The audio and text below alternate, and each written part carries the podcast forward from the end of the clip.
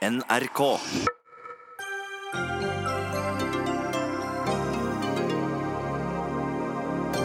Har du gjort noe galt og blir tatt for det, får du sykemelding. Har du jobbet mye og er sliten, får du sykemelding. Har du kranglet med sjefen, får du sykemelding. Men er det sykdom? Vær så god, her er en PC med internett, men det er ikke lov å jukse, sier skolene til videregående-elevene på eksamen. Hvor naive er det mulig å bli? Svaret lå rett foran nesetippen på Frp. Asle Toje blir nytt medlem i Nobelkomiteen. Og de ansatte ved tidligere Høgskolen i Oslo og Akershus har fått lang veiledning om hvordan de skal skrive tankestrek i det nye navnet sitt OsloMet.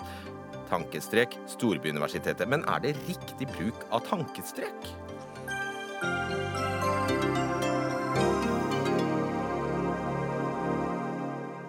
Ellers kan vi friste med pensjonsdebatt og arbeidsinnvandringsdebatt. Det er altså ingen grunn til å ikke følge med den neste timen av Dagsnytt 18. Mitt navn er Fredrik Solvang. Er det for lett å få sykemelding i dag? I kjølvannet av metoo er flere politiske ledere blitt sykemeldt. Hadde jeg selv fått metoo-anklage mot meg, ville jeg helt sikkert fått søvnproblemer, mange bekymringer, konsentrasjonsvansker og problemer med å gå på jobb. Men er det sykdom? Og har jeg rett på sykepenger? Det er det du som spør i en kronikk i Aftenposten. Bjørn Hansen, fastlege i Porsanger i Finnmark. Hva er svaret ditt? På det første spørsmålet så vil jeg tenke at eh, med de eh, symptomene som der selv beskriver, mm. så tenker jeg at det er ingen sykdom. Men, Hva er det da, da? Eh, det er egentlig ganske naturlige reaksjoner som følger med når du har til dels ganske voldsomme opplevelser i livet. Så, det, så kan du ha ganske voldsomme reaksjoner. Kan det være symptomer på sykdom? Ja, det kan det være. Det kan være symptomer på sykdom. Men disse symptomene alene, vil jeg sånn, for å svare på det du spør om, så ville jeg tenkt at nei, jeg ville ikke lande på at det var sykdom i klassisk medisinsk forstand. Nei, Likevel får altså slike tilfeller som eh, meg, da, sykemelding. Det er helt vanlig. Er det riktig? Ehm, det er litt vanskelig å svare på. Men jeg ser det at i folketrygdloven der er loven er veldig tydelig for alle de store ytelsene i Nav, altså både for sykepenger, arbeidsavklaringspenger og uføre. Man bruker begrepet sykdom. Og for en lege så er sykdom det er en, noe klart, noe mer definert noe enn alt det andre. Slik at for at du skal ha en sykdom, som eksempel i denne kronikken min, eh, snørr og feber, det er symptomer. Eh, men det er altså forkjølelsen som er sykdom. Og når du kommer til meg med f.eks. bekymringstanker og får ikke sove om natta, ja, så kan det være symptomer forenlige med f.eks. For en depresjon. Men det alene holder ikke for å stille diagnosen depresjon. Betyr det at du er Norges minst populære fastlege? Nei. Fordi at jeg sykemelder folk på samme måte som de andre fastlegene gjør. Eh, og da kommer det inn på et annet poeng, og det er det at eh, i den grad man skal gjøre noe med dette, så er ikke det noe fastlegene kan gjøre alene. Det må man gjøre i samarbeid med Nav. Ikke minst fordi at uh, Nav og fastleger vi sitter og forvalter akkurat det samme regelverket, men vi har ulike roller. Så hva mener du må gjøres? Nei, jeg mener jo uh, Jeg tror det er uh, riktig å gjøre noe med sykemeldingsordningen ut fra to hensyn. Det ene hensynet er det at det er en god del normalreaksjoner, normaltilstander, som blir definert som syke sykdommer for å få penger. Eh, og det andre er rett og slett for å verne om den egentlig ganske fantastiske velferdsordninga vi har. Og når du sier 'gjøre noe med', så regner jeg med du eh, mener det, er, eh, det, du, det du egentlig mener, er stramme inn? Ja, det er egentlig det jeg mener. da sier vi det. Stram. Mm. Kjell Hugvik, arbeids- og tjenestedirektør i Nav. Dere skriver i veiledningen til legene hvorvidt det dreier seg om en sykdomstilstand, vil være avhengig av hvordan medisinske vitenskap til enhver tid utformer sykdomsbegrepet og den praksis som har utviklet seg på området. Hva i alle dager betyr det? Det betyr at vi har tillit til legene. og det er sånn at Når det gjelder å vurdere om en person er syk, ja, så må vi stole på den medisinskfaglige kompetansen. Eh, Nav har eh, sin rolle i oppfølging av de sykemeldte, men akkurat i å bedømme om en person er syk, og om man har den diagnosen som gir rett til sykemelding, ja, der må vi stole på at eh, legen gjør en god jobb, og at han bruker sin faglige kompetanse. Den jobben kan ikke Nav gjøre. Så hvis det store flertallet av norske fastleger etter hvert har beveget seg vekk fra sykdomskriteriet og over på symptomer, eh, symptomer, symptomer som tilstrekkelig for å få sykemelding, så er det greit for Nav?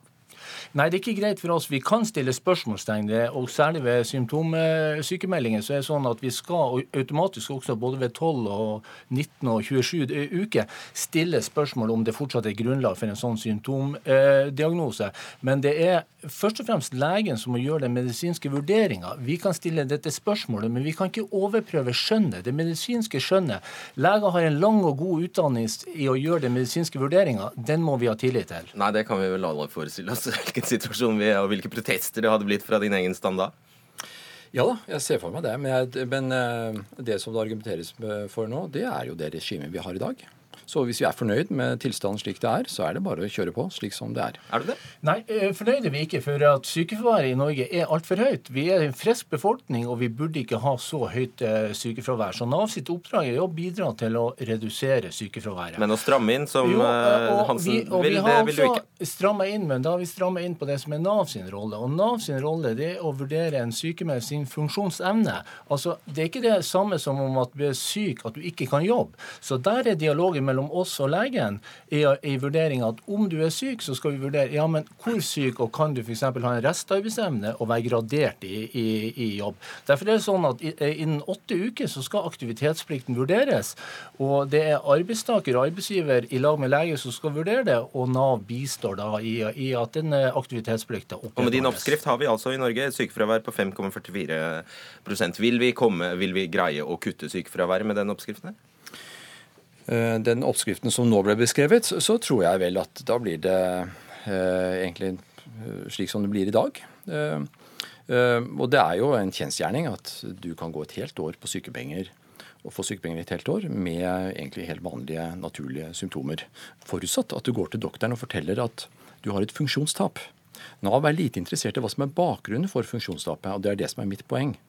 Eh, det er selve funksjonstapet Nav holder Er det ikke da du som medisiner skal komme inn og undersøke meg og sjekke om jeg faktisk har det? Om, jeg, om du har hva? Om jeg har funksjonstap? Ja, men det er ikke alle ikke, jeg kan ikke undersøke det og finne funksjonstapene. De er det stort sett du som forteller meg om. Du må stole på meg? Jeg må stole på deg. Uff da. Er, men uh, vi må jo på en måte Det høres veldig lite betryggende ut, Hugvik. Jeg, jeg syns jo det blir litt enkelt å rette all kritikken mot Nav. Det høres veldig lite betryggende ut, ja. Hugvik. Ja, jeg, jeg, tenker sånn at uh, det er helt klart hvilke roller vi har her. Legen sin rolle er å gjøre den medisinske vurderingen og vurdere om en person er syk, og om man fyller kriteriene Han sa nettopp at han må stole på meg som pasient. Ja, og det er på en måte den jobben de gjør. og vi, vi, kan ikke overprøve det skjønnet. Det er ikke vår rolle, det er ikke vårt oppdrag å overprøve det skjønnet. Det, ligger, det er politisk bestemt at det skjønnet ligger hos, hos legen. Så hvis legene ikke gjør god nok jobb, ja, da kan det føre til at folk blir sykemeldt uten grunn. Men jeg har tillit til at de aller fleste legene prøver å gjøre den jobben best mulig. Det er jo rart når Hansen, en lege som er lege selv, sier at de ikke gjør det, da. Ja, altså jeg tenker at uh, Dette blir kanskje litt sånn svarteperspill, og det ser jeg ikke noe særlig mening i. Uh, jeg opplever at uh, Nav oppfyller sitt mandat ganske godt ut ifra den rundskrivteksten som ligger til grunn, og som man skal følge, som da har sitt utgangspunkt i loven. Ja, altså, som litt uærbødig sagt altså går ut på at sykdom er det vi til enhver tid definerer som sykdom. Eh, ja, for tiden så er det for det. For tiden så er det det. Men uh, hvis jeg bare kan si, følge opp litt. Uh, og det betyr at hvis, uh, hvis vi skulle få et incitament fra noe sted, så må jo noen si til Nav at gjør denne jobben. Definer klart og tydelig hva skal vi forstå som sykdom. Og jeg må få lov til å si at denne jobben er jo delvis gjort allerede fordi det foreligger en diagnoseliste. Men som ikke brukes. Nettopp. Denne noen kan jo f.eks. være deg, eh, Sveinung Stensland, eh, stortingsrepresentant eh, for Høyre. Hva med å ta i bruk diagnoselista, f.eks.? Det er veldig kjekt å høre denne diskusjonen her. og den sier mest av alt at det er forskjell på leger det er En av hovedutfordringene er at det er ulik praksis. Og Da bør kanskje Nav og oss politikere se på det her. Fordi Skal vi ha en sykelønnsordning som vi har i dag Vi har ikke tenkt å stramme inn på den i form av kutt i sykelønnsordningen. for det er for politisk upopulært? Ja, jeg tror det er mer politisk populært å sørge for at ordningen blir brukt riktig. Og Da er vi avhengig av at legene følger samme, samme mal. Samtidig så må vi stole på legenes skjønn. Og da er det jo sånn at den beste til å vurdere en, en arbeidstakers restarbeidsevne eller mulighet til å gå på jobb, er fastlegen i samarbeid med arbeidsgiver og den ansatte det gjelder. Nå sa jo ikke du noe annet enn det Hugvik sa. Jeg prøver meg igjen på, jo, på spørsmålet mitt. som var hva med å ta i bruk diagnoselista igjen, som Hansen foreslår? Ja, Nå har vi jo nettopp hatt en stor diskusjon om diagnoseliste innenfor, innenfor fysioterapi. og med en gang vi kommer inn i sånne diskusjoner, så blir, det, så blir det et minefelt. Men det er jo helt klart at hvis ikke vi får ned sykefraværet, så må vi jo se på den type virkemidler òg. Men er... Hva sa du nå? Hvis vi ikke får ned Dere får ikke ned sykefraværet. Så jo, da spør Nei, dere gjør jo ikke det. Så, ja. da, er, det da spør, andre... er, er, det en god idé å ta i bruk ja. diagnoselista? Det kan være en god idé, men det som har vært en, enda bedre, idé, ja, det som er en enda bedre idé, er at eh, legene i større grad lytter til det som nå er lagt inn i systemet, bl.a. med tidsavgrensa sykemeldinger per diagnose. Det ligger inne i systemet nå. Eh, det ligger, kommer opp et forslag når du legger inn eh, diagnosen, så kommer det opp et forslag om sykemeldingsperiode. At en er flinkere å følge opp, og også se på hvilken jobb en har. For i noen yrker så kan det være helt utålelig å gå på jobb. F.eks. som programleder i NRK så kan ikke det være så lett å sitte i studio hver dag og prestere hvis du har en tung depresjon. Du kan kanskje gjøre andre oppgaver for NRK uten å være sykemeldt, uten å være sånn. Svar kort på det. Ja. Og det, det, mener jeg, det mener jeg er en viktig del av legens rolle, å se på hva restarbeidsevne har arbeidstaker, og kan en bidra. For det er nemlig sånn at i Nei. noen tilfeller så er ikke det beste å være hjemme og være syk. Kanskje det er bedre å være på jobb og være frisk. Ja da, alt dette er jo helt riktig. Uh, ingen problemer. Men det er jo legene, legene må ha en hånd på rattet. Uh, det må settes noen rammer som doktorene kan bevege seg innenfor. Uh, og det å definere sykdom som en del av de rammene, det tror jeg kan være hensiktsmessig. Men så vil det selvfølgelig være en gjenstående diskusjon om hva skal sykdom i så tilfelle eh, inneholde, fordi diagnoselistene er ikke fullstendige og fullgode. Men det, god, det kan være en god start. Kunne være en god start. Høgvik, som man skal vurdere og vurdere, skjønner vi. Um, Høgvik, interessant fenomen. Tredje kvartal 2017 så økte sykefraværet aller mest innen olje- og gassutvinning. Det har vi diskutert her tidligere, men det tyder jo bl.a. på at sykemelding også brukes ved arbeidsledighet. Ja, dessverre så ser vi sånne ting at ved høy ledighet osv. Så, videre, så kan sykefraværet øke. Det i seg selv, det er jo ikke et grunnlag for å bli sykemeldt for at du er arbeidsledig, men det kan jo være sånn at situasjonen du kommer i, blir så vanskelig eller utfordrende at du blir syk av den. Men da er det legen som skal vurdere det. Er, er, det, er denne situasjonen din ført til at du har fått en sykdom som gjør at du ikke kan være i arbeid? Ja, da har man anledning til å sykemelde. Men jeg er helt enig med Bjørn her at at Nav og legene må jobbe enda tettere sammen. For det aller viktigste når en person blir sykemeldt, det er jo da å finne ut hva slags funksjonsevne har man, hva slags eh, arbeidsevne har man. Og I de fleste tilfellene når man er syk, ja, så er det helt eller delvis tilknytning til arbeidsplassen langt bedre, for da kommer man raskere tilbake til jobb. Hva forteller den statistikken deg nettopp det at sykefraværet økte akkurat i de bransjene her ledigheten økte mest? Nei, Det forteller jo meg det samme som det forteller deg, høres det ut som. Eh, at det er eh, ulike årsaker til at folk trer inn i sykemelding ting. Eh, mange flere årsaker enn det som har med sykdom å gjøre. Er det da, er det da misbruk? Jeg vet ikke om jeg vil kalle det misbruk. Eh, det er, det, det, ja, nettopp, altså det, det, er en praksis som har, har, utviklet seg. Og jeg må si at, at doktere det henvises jo nå til at doktoren skal ta den jobben. Eh, doktere er ganske pragmatiske eh, folk som har egentlig utgangspunktet er lite opptatt av regelverk og sånn. Eh, men eh, være, de er glad i tydelighet. Og de rammene som gjelder for sykemelding i dag, de er ganske utydelige. Mm. Men, eh, Stensland, ja. jeg skal kvittere siden du brukte programleder som eksempel. Du kan jo få bruke noen, noen av dine egne kolleger som akkurat for tiden er i sykemelding pga. at de har blitt tatt med buksene nede i metoo-kampanjen. De får altså sykemelding fordi de antagelig har det ganske fælt. Er det riktig? Det mener jo jeg er en sak mellom eh, legen og den enkelte. Og I tillegg så er det jo et litt spesielt tilfelle når du er i en stilling der du har det medietrykket som ingen kan forestille seg konsekvensen av. Men det er igjen sånn at det må legen sammen med den det gjelder, avklare. Så, så, det blir for meg helt umulig å gå inn i. Eh, jeg kan ikke sette meg inn i hodet til deg. Så hvis disse har søvnvansker, mange bekymringer, konsentrasjonsvansker, er det nok for å få sykemelding? Altså, jeg har faktisk ikke snakket med noen av de Hvis de har, spørre? Ja, det blir jo en helt uh, patetisk diskusjon. Må, hypotetisk, mener du kanskje? Hypotetisk god. Men uh, det har ikke jeg lyst til å diskutere her. Jeg bare ser at nå er En av de du snakker om fortsatt ut av Stortinget. De andre to tilfellene er tilbake igjen på Stortinget, og det er veldig gledelig at de er tilbake igjen på jobb. Så sånn er det. Men jeg har lyst til å si det, vi kan ikke stille sånn at Stortinget skal vedta hva som er sykemeldingsgrunnlag i detalj.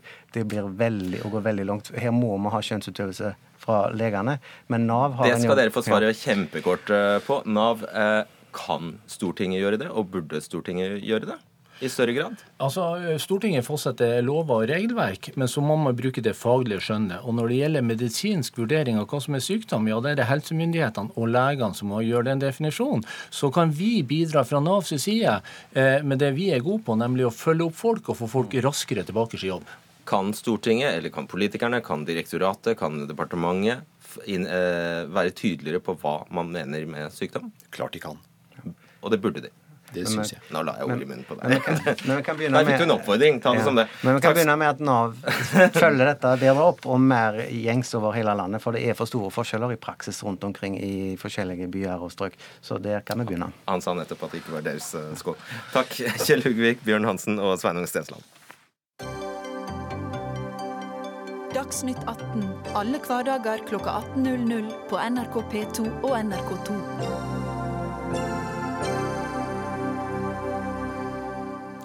Til våren får elever på videregående som tar fag som internasjonal engelsk, reiseliv og språk eller diverse kommunikasjonsfag, full tilgang til internett under eksamen. Det har Utdanningsdirektoratet bestemt. Men ikke helt uten motstand, for eh, direktoratet åpner for juks, kunne vi lese i et innlegg i Aftenposten i dag, forfattet av deg, Geir Olav Kinn, lektor ved Mysen videregående skole. Du underviser i faget politikk og menneskerettigheter, som altså er et av disse eh, fagene. Hva er problematisk, egentlig?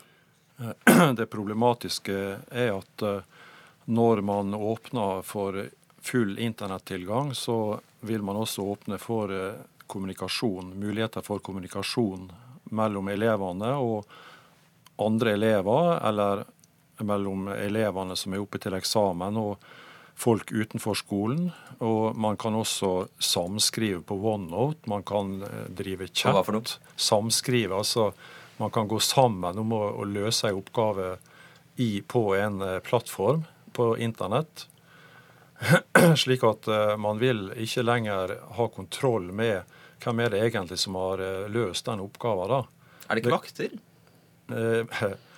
Eh, Det er veldig få vakter i forhold til antall elever. Og når elevene skal ha full adgang på internett, så vil de jo gå inn og ut av forskjellige nettsteder hele tida. Så det er ikke mulig å følge med på det for, for, selv for ei veldig oppvakt vakt. Men Det er jo ikke noe nytt med jukselapp, akkurat.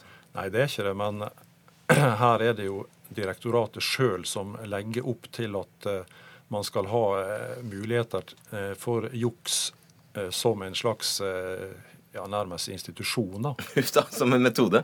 Juks som metode. Ja, eller som institusjon. Ja, Vi får høre da med divisjonsdirektør i Utdanningsdirektoratet, Sissel Skillinghaug. Dere presiserer at kommunikasjon med andre ikke er tillatt underveis i eh, eksamen, men må, får det være grenser for naivitet? Ja, også, eh, det er jo riktig som du sier, åpner for internett i noen eh, fag. Det er samfunnsfag, språkfag, kommunikasjonsfag, hvor det å diskutere dagsaktuelle temaer og det å innhente og bearbeide og bruke informasjon kritisk er viktig kompetanse. Eh, det er en viktig kompetanse i samfunnet også. Eh, Det er masse fordeler med internett, men Ja. åpenbare bak, eh, baksider òg. Ja, altså Den teknologiske utviklingen tilsier jo også at skolen må henge med på dette. Og så er ikke vi, vi, altså, vi, er, vi er kjent med at det også gir oss noen nye problemstillinger og noen nye dilemmaer. Eh, sånn Systemet rundt det å gjennomføre eksamen da endrer seg litt. Det betyr at man må tenke litt annerledes om hvordan man lager oppgaver, hvordan man gjennomfører eksamen, og hvordan man sensurerer. Hva betyr gjennomfører eksamen? Hvordan skal man tenke nytt der? Ja, tenke sånn nytt i, eh, i selve lokalet. Altså dette bygger jo på erfaringer fra et forsøk, så vi vet jo noe om hvordan dette fungerer. Eh, og det har både noe med Altså Noen skoler velger liksom tekniske løsninger hvor de mer sånn overvåker alt det elevene gjør. Eh, noen har liksom andre typer vaktordninger enn det man kanskje har gjort tidligere. altså Litt flere vakter. Eh, opptatt av at det er vakter med type teknologisk kompetanse. Eh, Men vi ser også at veldig mange skoler er opptatt av at den viktigste jobben skjer i forkant. Det handler om at elevene må både forstå hva, eh, hva slags type hjelp internett kan være, eh, og hva det betyr å eventuelt fuske. Og ikke minst hvilke konsekvenser det har. For det er alvorlig å fuske til eksamen. Du mister standpunktkarakteren din. Ja. Og det vet vi jo veldig godt. Det vet vi jo veldig godt. Men uh, IT-folk på vår skole, og også i Østfold fylke, de slår ut med armene og sier at uh, så lenge det er åpent internett, så har vi ingen mulighet til å kontrollere hva som foregår. Og som jeg sa i sted, så er ikke det mulig for ei vakt å, å, å, se hva en elev gjør på skjermen. Det er helt umulig. En vakt per elev, så? Ja, kanskje hvis det var én til én, men det, det tviler jeg sterkt på kommer til å skje.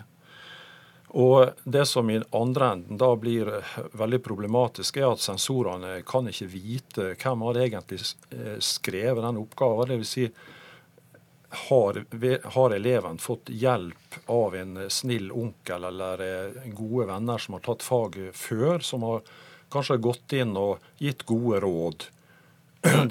det fins plagiatkontroll, men en plagiatkontroll vil aldri kunne gå inn og, over, og, finne ut at her har det vært andre inne og, og gitt gode råd om disponering eller hva som ja, Hvordan skal man finne ut det? Ja, altså først vil jeg si at Eksamen handler om å gi elevene mulighet til å vise det de kan. Eh, og Da må vi ha eksamensordninger som er relevante og som speiler på en måte det samfunnet vi er en del av. Da prøver jeg meg igjen. Hvordan skal man finne ut det? Altså, til alle tider så har vi diskutert eksamen og fusk til eksamen og ulike typer metoder for å fuske. Som du selv nevnte, eh, lapper på do eller at man eh, hvisker med sidemannen. Det, det, er noe med at det er selve metodene som endrer seg litt, men at man har en sånn type fuskeproblematikk som man må jobbe med, det gjelder uansett. Men du kan vel i det minste være med på at dette gjør det veldig mye enklere? Det, det, det, er andre typer tilganger da, som gjør at man må jobbe med det på en, eh, på en annen måte. Men jeg vil også utfordre Så litt den tankegangen. Si, selv det, vil du ikke, selv det medgjør ikke at det blir enklere å jukse? Det er i hvert fall andre type fuskemuligheter da, som ser annerledes ut enn det de har gjort tidligere. Andre typer eh, fuskemuligheter, Men blir det lettere eller vanskeligere blir det lettere å jukse? Kan det bli lettere å jukse? Altså, Det finnes jo absolutt mulighet til å gå på nett, men da, klart, da fusker du. Eh, og det vi har av erfaringer fra forsøket med internett, tilsier ikke at dette er et stort og omfattende problem blant norske elever. Vi må også huske på at de aller fleste elever ønsker å gjennomføre eksamen på en redelig måte og vise det de kan. Men, eh, og da Problemstillingen var jo nesten litt motsatt. Eh, at det var mange elever som var litt engstelige for å litt sånn uforvarende havne på steder som ikke kunne være tillatt osv. Fromme elever. ok, greit. Eh, ja, det har vært gjort forsøk på enkelte skoler og man har ikke oppdaga utstrakt juks. Men det kan jo være fordi at sensorene har rett og slett ikke oppdaga det, fordi det er veldig vanskelig å finne ut. Så det kan jo være grunnen. Og hvis du snakker om jukselapp, så ja, det har vært til alle tider. Altså Du mener de har konkludert det fantes ikke juks fordi vi oppdaget ikke juks? Det. Det, det, det kan, det kan okay. ha vært juks, men sensorene har ikke, har ikke, funnet ut at det har vært det. Nettopp. Fordi at det er så vanskelig å oppdage for en sensor. Men når det gjelder jukselapper, så kan du jo si at det nye er jo at direktoratet legger jukselapper på do, da, og så ber de elevene vær snill ikke ta denne jukselappen. Ja, egentlig et godt bilde. Ja, jeg er nok ikke enig i at det er helt sånn. Jeg vil holde fast på at uh, dette handler om relevante eksamensordninger og prøvekompetanse som er viktig at elevene har når de er ferdig på skolen. Hvis ikke vi har dette til eksamen, så vet vi at det også får en mindre plass i, i uh, opplæringen. Eh, og igjen så vil jeg også utfordre litt forestillingen om at det er så innmari mange elever som fusker. Det har vi ikke grunnlag for å si. Men du har strengt tatt da ikke grunnlag for det motsatte heller, i og med at juks i sin natur ikke skal avdekkes? Vi har noen undersøkelser fra det forsøket vi hadde, som antyder at det er veldig få elever som, som, fusker. Men det er klart at det er noen problemstillinger i det her sånn som er relevant. Eh, og dette, denne utvidelsen skal også evalueres, så vi vil jo undersøke denne problematikken videre. Og det er viktig å ha denne debatten. Siste, ja, ikke sant? Derfor tar vi den. Siste spørsmål, du må svare, svare litt uh, kort, uh, Kinn. Altså, alle vet at internett er kommet for å bli. Kan det, for å bli, kan det være at om 10-20 år så virker det helt uh, antikvarisk at du tok opp denne problemstillingen? Eh, nei, det tror jeg ikke. fordi at eh, om eh, kanskje ikke så veldig mange år, så, så, kan man ha logger eller et eller annet som kontrollerer hvor elevene har vært den på internett. og Da er det jo ikke problematisk lenger. Men, men så langt så har vi ikke det. Og da er dette her også sosialt urettferdig, for det er ikke alle elever som har muligheten til å kontakte fagfolk utenfor eh, eksamenslokalet. Og i, i tillegg så så jeg syns det er etisk betenkelig at elevene blir satt i en sånn situasjon der de blir bedt om vær så snill, ikke juks. Ok, vi lar det være punktum. Takk skal dere ha, Geir Olav Kinn og Skilling her.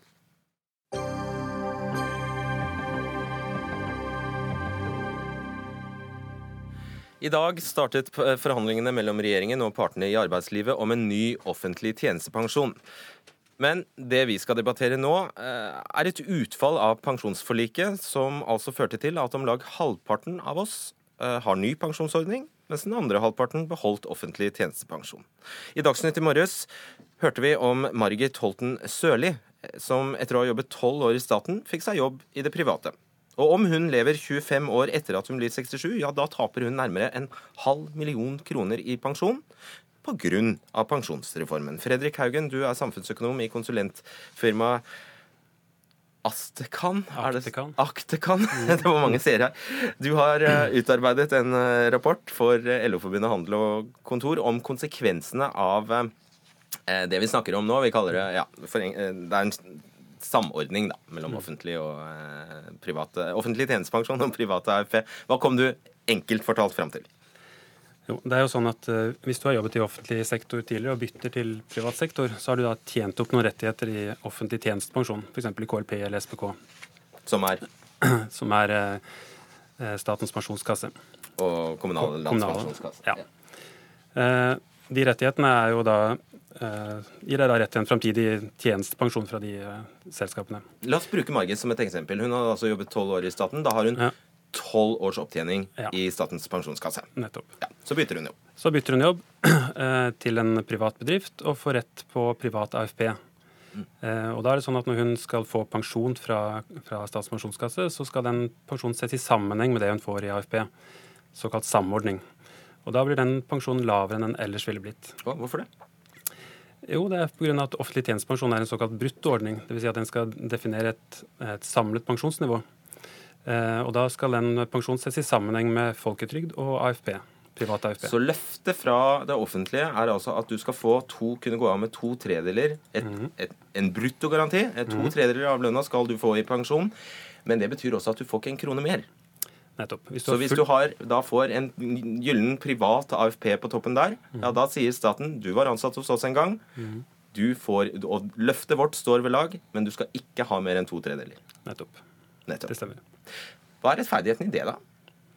Nei, Det er ikke opp til meg å gjøre om det er rettferdig eller ikke. Men det er i hvert fall sånn at hvis du hadde... Nei, men Hva har staten eller politikerne som har bestemt dette, tenkt?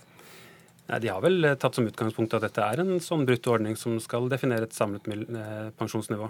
Og så sier de da at eh, hvis du får pensjon fra andre steder, så, så har du fått det du skal få i pensjon. Og da og, trenger ikke vi å gi mer enn det vi har lovt deg at du skal få. Ja, nettopp. Og litt av krukset her er vel da at offentlig tjenestepensjon har vært ansett for å være ganske god. ikke sant? To tredeler er bedre enn de aller fleste kan håpe på i dag. Mm. Mens privat AFP, det er noe nytt, og det er også ganske bra. Ja, Det er, det er ikke nytt med privat AFP, men uh, den AFP-ordningen vi har nå, er ny. ble ny i 2011. Uh, eh, og da ble det sånn at den ble gjort om fra en tidlig pensjonsordning til en livsvarig pensjon. Og Det er den endringen her som, som gjør at den, denne samordningen nå får effekt for veldig mange flere enn tidligere. Så en sånn kvinne som uh, Margit Holten Sørli, hun kunne hva kan man si, hun kunne ha regnet med uh, ja, sånn 40 000-70 000 i AFP-tillegg? Ja, sånn noe cirka? Sånt. Noe sånt noe? Ja. Uh, og den skal altså da bakes inn. Så hvis hun får, uh, hun får det uh, på toppen av sin offentlige tjenestepensjon, mm. Mm. Så, sier, så, sier, da myndighetene at nei, da eller Ja, da barberer vi. Da fjerner vi ca. halvparten av det AFP-tillegget. Ja, det er sånn at hvis, I utgangspunktet så er det sånn at du skal få krone for krone fradrag for AFP. Så hvis du får 50 000 i AFP, så skal du få 50 000 i fradrag i tjenestepensjon. Men så må man se det i sammenheng med hvor lenge du har jobbet i offentlig sektor. Sånn som Margit hun har ikke, ikke full opptjening i offentlig sektor. og Da får hun heller ikke fullt fradrag. Så et forholdsmessig fradrag. Så hadde hun stått i 40 årene, hele 40 år i, ja. i det offentlige før hun byttet jobb, så hadde hun, fått, så hadde hun mistet hele den private AFP-en. Ja. ja. Hun, har, hun, mister ikke privat AFP, men hun får lavere tjenestepensjon. Ja, det er sånn, ja. men det er de samme pengene, da. Ja. Nettopp blir det det samme. Ja, nøyaktig samme summen, men ja, mm. tas fra en annen pott. Greit. Uh, da, eh, Jon eh, Olav eh, Bjergene, du er leder av forhandlingsavdelingen i Handel og Kontor. Det var dere som bestilte denne rapporten. Og det var dere vi hørte i morges si at dette var blodig urettferdig. På hvilken måte da? Jo, når vi bestilte den rapporten, så var jo det selvfølgelig for oss å prøve å ivareta medlemmene våre som er i privat sektor. Og noen av de medlemmene de har jo jobbet i offentlig sektor. Og de vet ikke, de fleste vet ikke at når de da en gang skal gå av med pensjon, så vil den offentlige tjenestepensjonen samordnes bort delvis med privat AFP. Hvorfor vet ikke det? Jeg for egen del har, er i den situasjonen. og Jeg gikk inn på KLP sin side, og jeg finner ikke der ut at når jeg går av med, med, med pensjon og AFP, at jeg da får en samordning, og at deler av den offentlige tjenestepensjonen min forsvinner. Mm. Og da jeg jobber med pensjon, og, og, jeg tror nok de aller fleste ikke går inn der i det hele tatt, og langt færre vet at eh, dette, disse midlene samordnes bort. Ok, Men nå vet vi det, da. Så hva er ja. problemet nå? Da? Nei, Problemet er jo at de faktisk samordnes bort. Og, og, eh, dette Hvis du jobber i privat sektor hele livet, så får du en, en tjenestepensjon, og den får du fullt og helt sammen med AFP. Men hvis du er så syndig at du jobber i offentlig sektor først, og så skifter jobb til privat sektor, så får du altså ikke de opptjente rettighetene. Det var jo det, ja. Og det er jo fordi at du ikke skal få, kunne få i pose og sekk. Det er for, eh, for, at eh, du en gang fikk dette løftet fra det offentlige, om du har vært ansatt i stat eller kommune, at du får to tredeler av lønna. Dette er en mobilitetshindrende ordning som, som medfører at folk kvir seg på å flytte fra offentlig sektor til privat sektor. Det er ikke heldig for noen av oss, for da får du ikke den kompetanseutviklingen og, og erfaringsutvekslingen mellom to viktige sektorer i Norge. Sånn at det, det, er eh, ikke på noen måte positivt, og antagelig heller ikke tilsikta. Fordi pensjonsreformen gikk jo ut på Tror du ikke det er nei, det tilsiktet av et storting som egentlig ville ha offentlig sektor over på en ny pensjonsordning, men som måtte gi tapt? Jeg tror ikke det er tilsikta, for det samsvarer ikke med pensjonsreformen. Hvor poenget er at eh, når, når, når levealdersjusteringen medfører at man får mindre midler eh, fra folketrygden, så må man kompensere med tjenestepensjoner og AFP. Og Det får man ikke gjort i tilstrekkelig grad eh, for denne, akkurat denne eh, gruppen. Skjønner. Jeg innledet med å si at det er snakk om ca. En, eh, altså en, halv milliard kroner. Det er snakk om om lag 20 000 personer som etter hvert vil kunne være i denne situasjonen, at de får denne avkortingen. Ca. en halv milliard kroner. Hvor havner de pengene? Nei, altså Disse pengene er betalt inn til pensjonskassene. Delvis ved arbeidsgivers bidrag, og delvis ved de ansattes bidrag. Og Det er ganske viktig å få med seg at eh, offentlige tjenestepensjoner de bygges opp også med at ansattes lønn brukes til tjenestepensjonene, også 2% når, når de pengene ikke blir utbetalt til de som skifter til privat sektor, så forblir de i pensjonskassene. Så det er KLP og SPK som sitter og gjør seg rike på disse stakkars pensjonistenes bekostning. Ja, de blir vel ikke så rike, de har litt å bruke pengene på. Men det er fordelings, eh, et fordelingsproblem her, etter vårt syn. Og eh, Statens pensjonskasse, du, eh, hvordan finansieres de? Hvordan de finansieres? Mm. Det, det må du spørre Fredrik om, han vet det bedre. Men jeg går ut fra at det er skattepenger.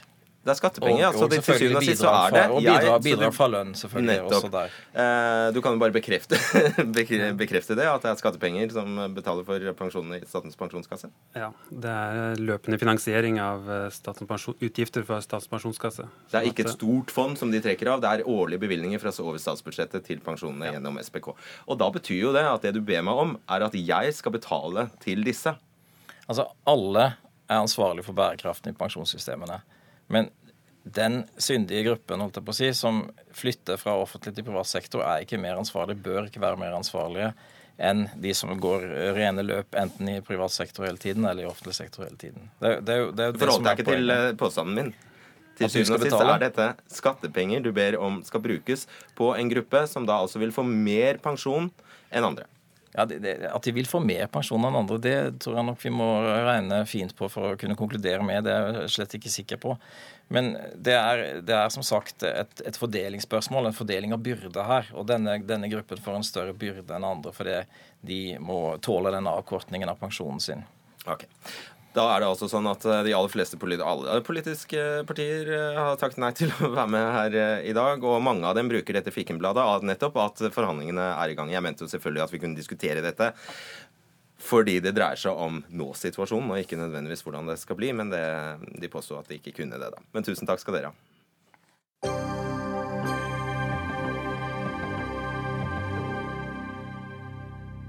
Forskningsdirektør ved Nobelinstituttet, Asle Toje, blir Fremskrittspartiets kandidat til Nobelkomiteen.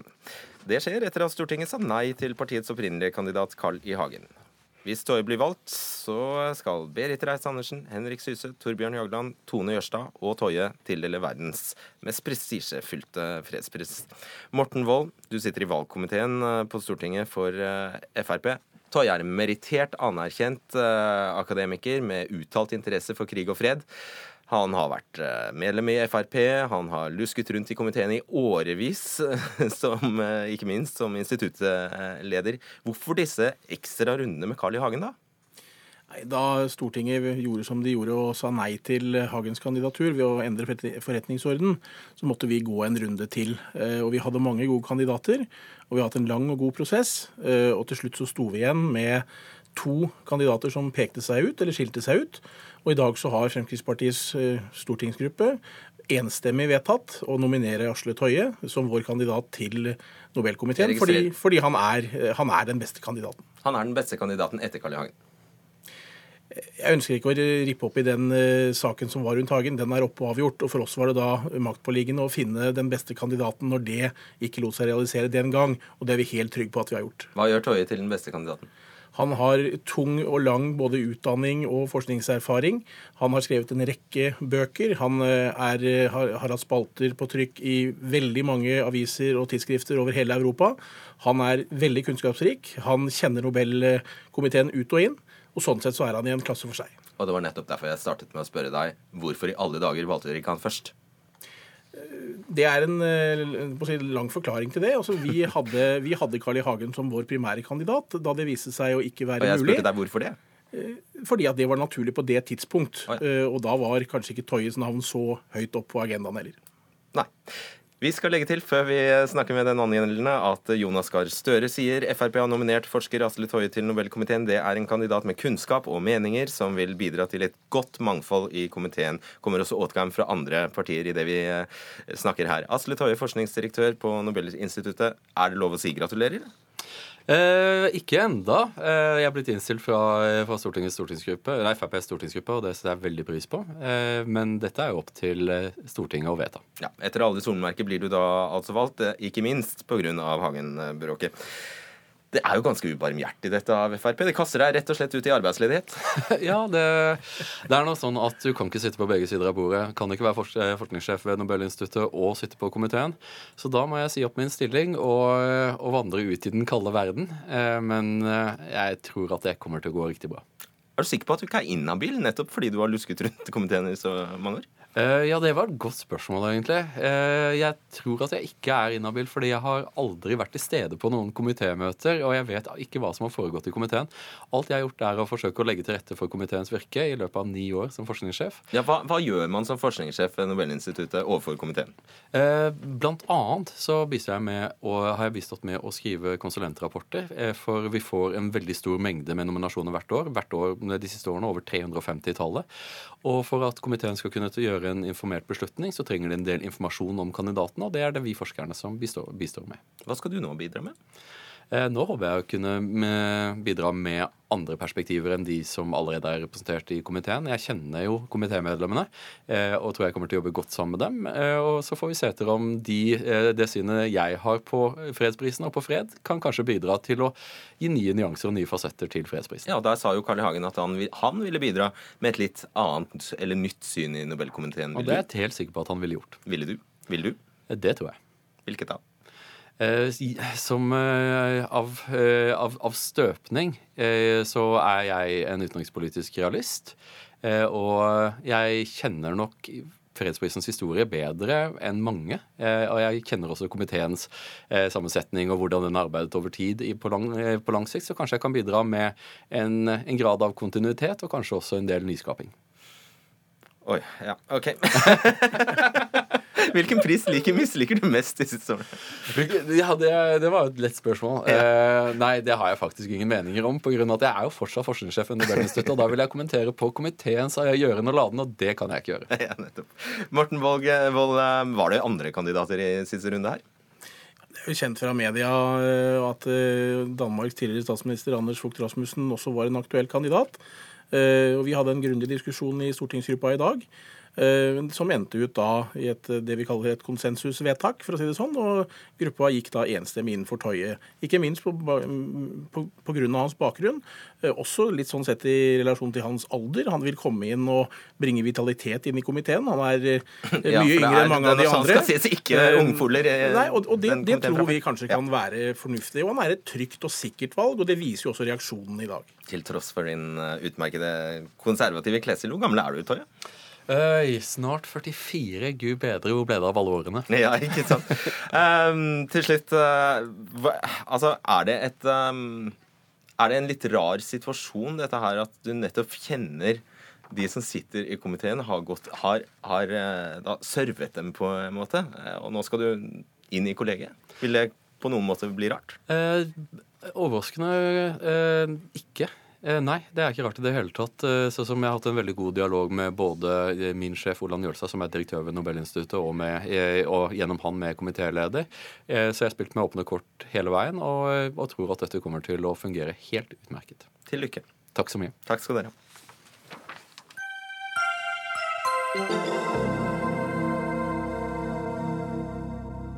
Med knappest mulig margin banket styret ved Høgskolen i Oslo og Akershus gjennom det nye navnet OsloMet med stor O og M i ett ord, og mellomrom, tankestrek, mellomrom, Storbyuniversitetet med stor S. Kongen i statsråd vedtok navnet, med unntak av denne store S-en i Storbyuniversitetet. Nå har universitetet gitt ut en veileder til de ansatte om hvordan de skal skrive og bruke det nye navnet riktig på forskjellige språk. Ingen fra Oslo OsloMet ville stille, men velkommen til deg, Åse Vetås, direktør i Språkrådet. Takk skal du ha.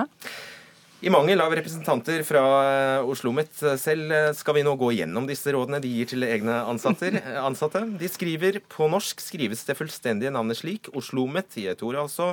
Mellomrom, tankestrek, mellomrom, Storbyuniversitetet. Hva er feil her?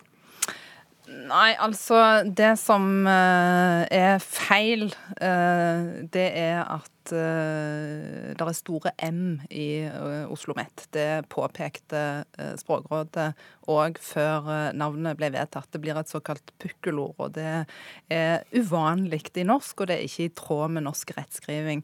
Og vi så det at når dette navnet da var vedtatt, så fikk vi ganske raskt veldig mange henvendelser fra publikum eh, som, som, lurte på hva som var den korrekte skrivemåten. Og, og vår anbefaling er da å skrive Oslo Met med, med liten m. Ja, Men de har altså valgt å gi blaffen i det, det dere sier. Ja. De skriver det er et mellomrom på hver side av tankestreken som kommer mellom OsloMet og Storbyuniversitetet. Deretter følger en lang eh, utgreiing av hvordan man da skal få til en riktig tankestrek på tastaturet, for norske tastaturer har ikke tankestrek.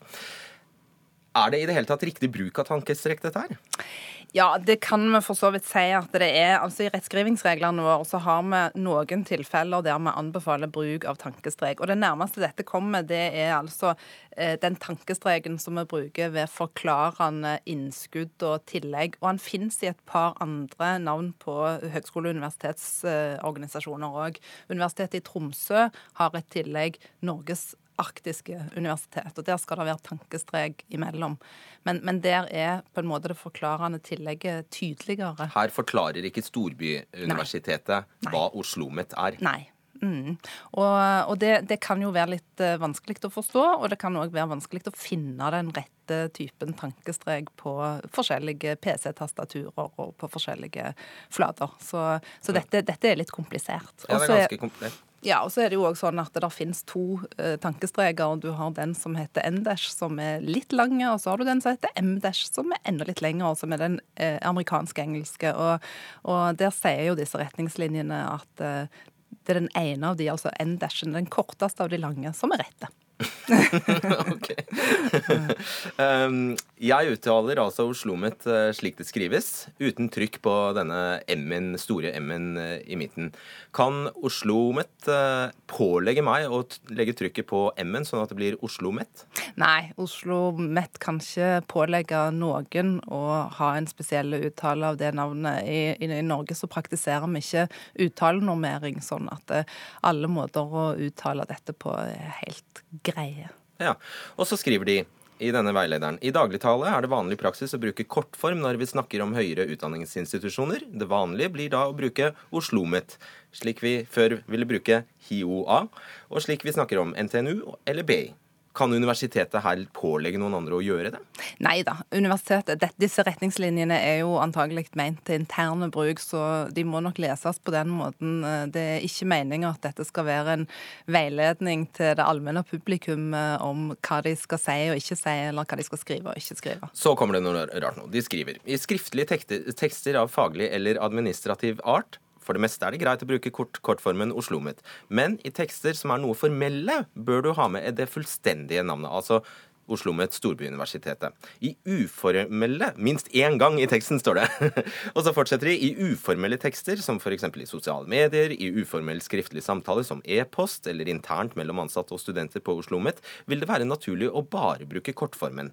I vitenskapelige publikasjoner skal du bruke det fulle navnet Oslo Met Storbyuniversitetet. Skjønner du hva forskjellen på eh, en formell og en uformell tekst er? Mm, nei, Det er veldig vanskelig å skjønne hvor grensa går her med den lange beskrivende forklaringen. Og så er det òg noe med at eh, hvis en deler det inn etter publiseringsflater, så blir det òg vanskelig å forstå. Altså En e-post kan være hvor formelle som helst, nesten. Sånn at det å si at e-poster per def er uformelle, det, det, blir jo ikke riktig.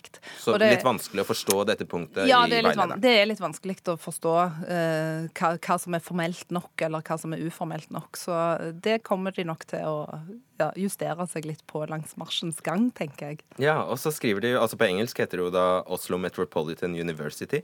Um, og så skriver de at det er eh, veldig viktig at man bruker det fullstendige navnet Oslo Met Storbyuniversitetet på norsk for å unngå spørsmål om dokumentenes ekthet. Ja, Det syns jeg òg er litt uh, vanskelig å forstå. Dette, dette, er jo en veiledning um, som, som, som, generelt kanskje er litt, litt, vanskelig å forstå på en del punkter. Men akkurat det om dokumentekthet, det er, det er veldig vanskelig å forstå. Og så skriver de man kan ikke bruke Universitetet Oslomet som navn. Altså da med universitetet med stor U. Mm.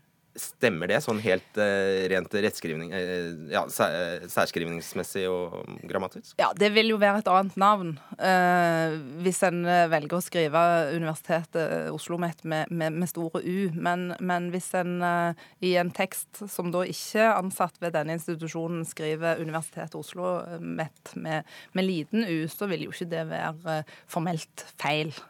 Nei, ikke sant. Man Nei. må kunne slenge på altså for, for, å forklare hva man ja. nå skal omtale, nemlig et universitet, så må man kunne si Universitetet Oslo-Met. Mm. Ja. Og så skriver de alle ordene i det engelske navnet skrives med stor forbokstav. Det er stor O i Oslo stor M i Met, og Oslo-Met er sammensatt i ett ord uten mellomrom. Det er et mellomrom på hver side av tankestreken som kommer mellom Oslo-Met og Oslo Metropolitan University. Er det korrekt? Ja, det høres, eh, det høres helt greit ut. Egentlig. Det er greit.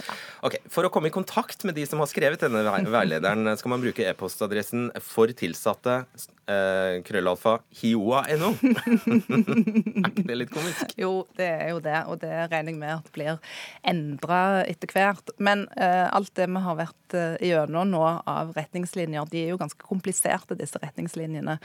Og, og, det var jo nettopp noe av det vi advarte mot fra Språkrådets side når institusjonen skulle gjøre et navnevalg. Altså ikke velg noe som er så vanskelig å forstå og vanskelig å bruke at det skaper masse praktiske problemer. Så disse retningslinjene er nok en konsekvens av at dere har valgt et navn som er litt komplisert. Og dere fikk rett. Ja, altså nå er det sånn at eh, vi tar til orientering at det var det navnet institusjonen ønskte seg, og det navnet som Kunnskapsdepartementet eh, innstilte på at de skulle få, og som Kongen i statsråd da eh, bestemte at var institusjonsnavnet. Men, men det er nok det ville vært eh, klokt å, å, lytte til navnefaglige råd, og til andre institusjoner, statsinstitusjoner som skal lage seg nye navn, så, så, anbefaler jeg å velge noe som er enklere og mer presist, og som gir en bedre praksis. Takk skal du ha, Åse Vetås, direktør i Språkrådet. Hør Dagsnytt 18 når du vil. Radio NRK Radio.nrk.no.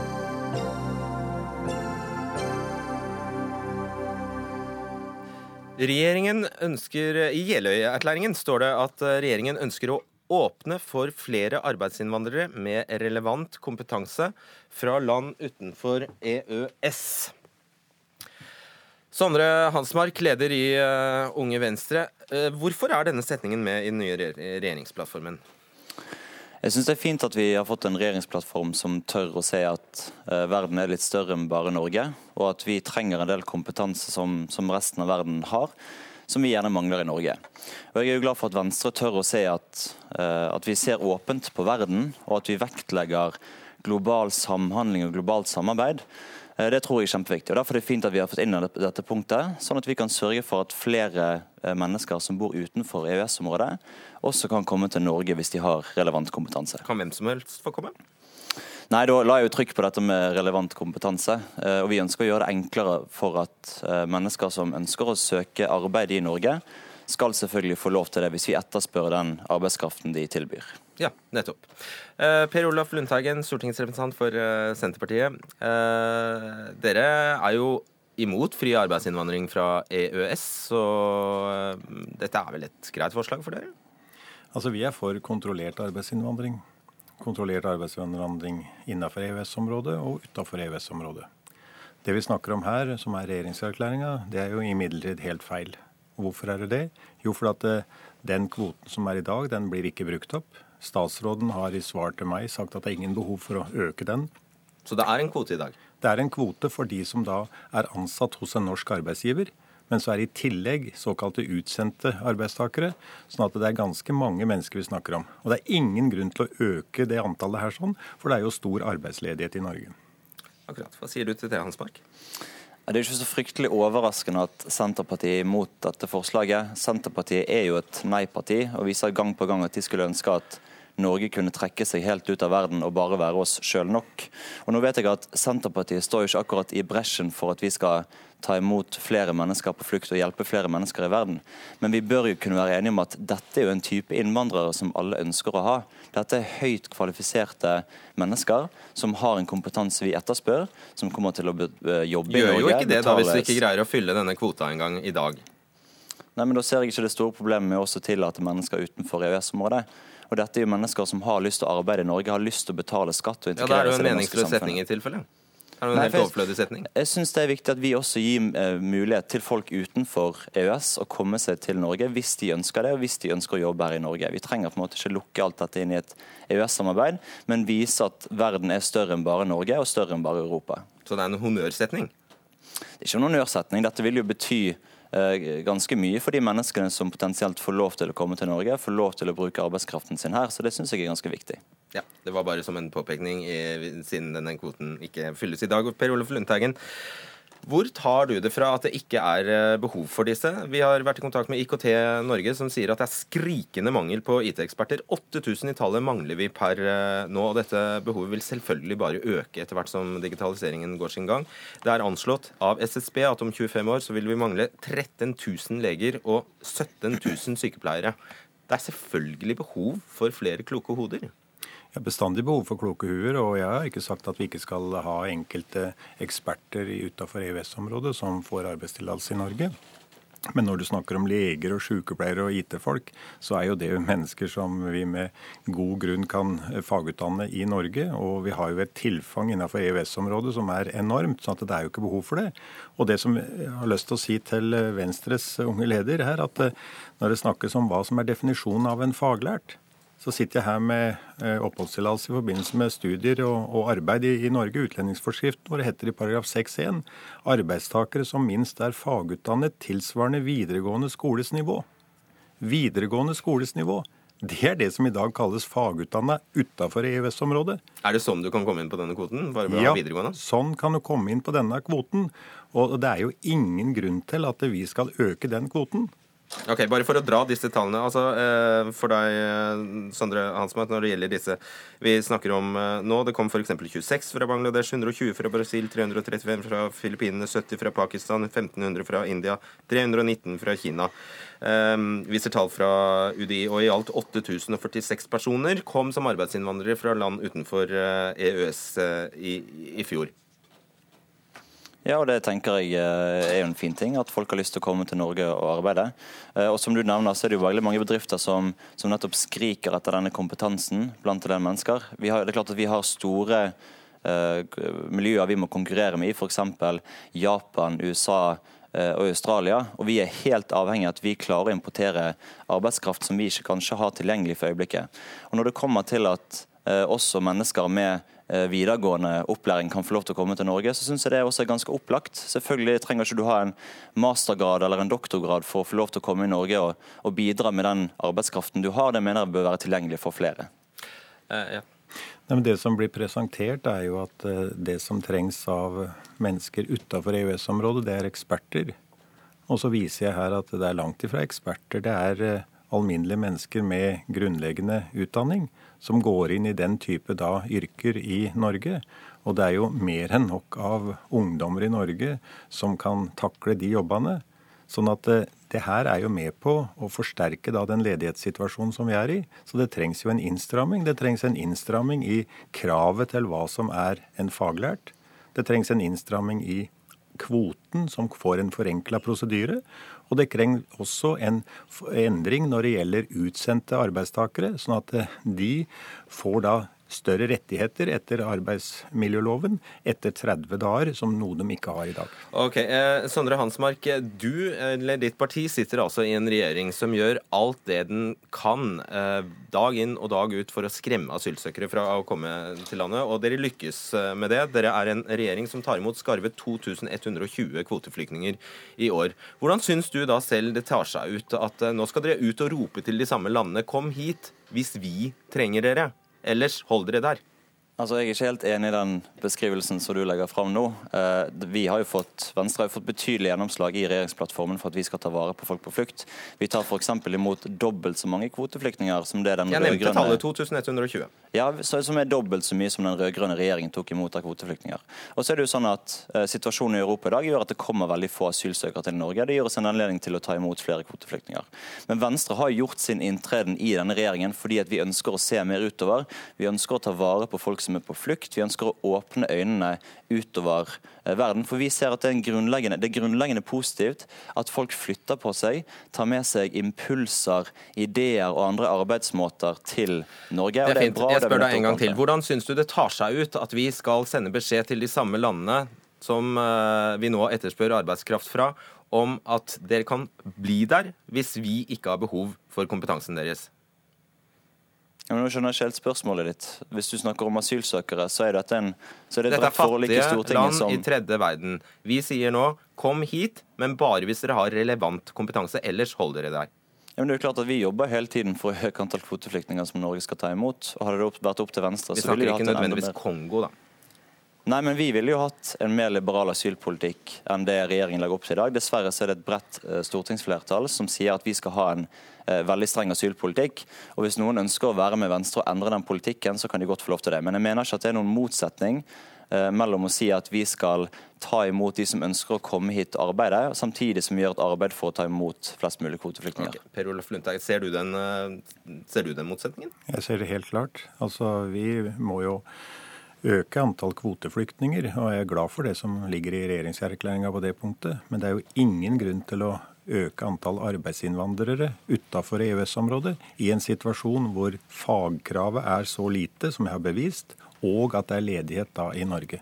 Det bør heller reduseres, sånn at vi ikke forsterker problemene ytterligere i Norge. Vi skal hjelpe folk på flukt, men vi kan ikke ta oss av arbeidssituasjonen for mange andre land. Bare svar veldig kort på det siste spørsmålet mitt, Hansmark. Er du ikke redd for såkalt hjerneflukt hvis vi eh, soper opp de aller beste hjernene?